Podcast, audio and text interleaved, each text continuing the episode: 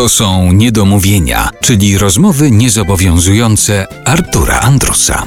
Janusz Strobel jest naszym gościem w Niedomówieniach w RMF Classic i jeszcze sprawę tego lobby plastycznego w polskiej piosence chciałbym kontynuować. Ten fragment rozmowy. Czy ty kiedyś spotkałeś się z jakimiś badaniami, rozważaniami na ten temat, jak właśnie taka wrażliwość plastyczna wpływa na twórczość piosenkarską, czy kompozytorską, czy tekstową? No bo mówimy tutaj o...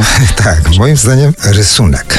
Nie mówię o malarstwie, ale rysunek jako przedmiot powinien być w każdej szkole muzycznej mhm. tam gdzie się uczy muzyki i wszelkich artystycznych tych działań, ponieważ nic bardziej jak rysunek nie uczy kompozycji, nie uczy zwartości, nie uczy umiejętności ogarnięcia pewnej e, struktury artystycznej. W muzyce jest to znacznie trudniejsze. Muzyka jest bardziej abstrakcyjnym tworem. Zawsze mówię, że dla muzyki Blade Runner jest cisza ale jest ta cisza, jest nie do ogarnięcia. Rysunek jest na określonej płaszczyźnie, w którym się łatwo określić i znaleźć. Byłoby w moim odczuciu bardzo pomocnym przedmiotem dla muzyków, żeby ogarniać formę, kompozycję i tego typu sprawy. Tym bardziej, że to jest to samo. Czy to jest malarstwo, czy to jest rzeźba, czy to jest muzyka to jest banalne wprawdzie, ale to jest to samo. Różne są środki wyrazu. Chodzi o ten sam przekaz, tylko w różnych formach, w różnym aspekcie artystycznym.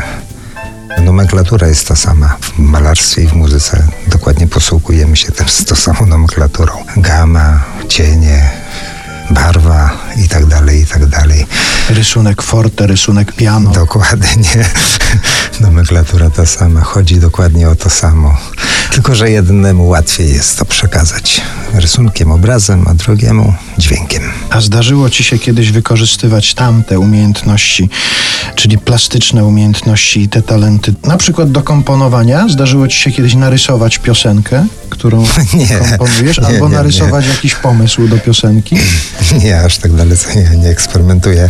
Nie, nie, ja mam stosunkowo podejście konserwatywne do działań natury artystycznej i nie, nie, nie zajmuję się tak, zdecydowanie tak. Raczej próbuję to w wyobraźni, w głowie ogarniać.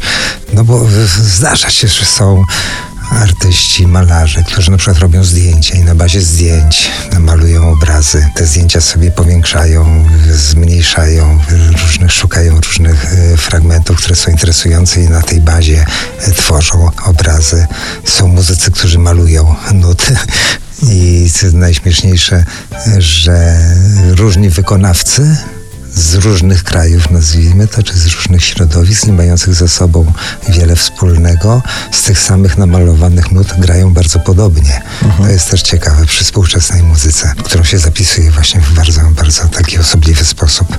Ja mam raczej konserwatywne podejście i muzyka dla mnie jest tak, jak była 50 i 100 lat temu. Czyli tak w partyturze, tak, w partyturze, w komputerach i też nie korzystam z komputerów. Jeżeli to z edycyjnych tylko programów, które pozwalają mi notować materiał pisany, no to, to jest dużo łatwiejsze no, w komputerze. Ale nie korzystam z komputerów ani z elektronicznych instrumentów. Cały czas się w klasycznych brzmieniach obracam.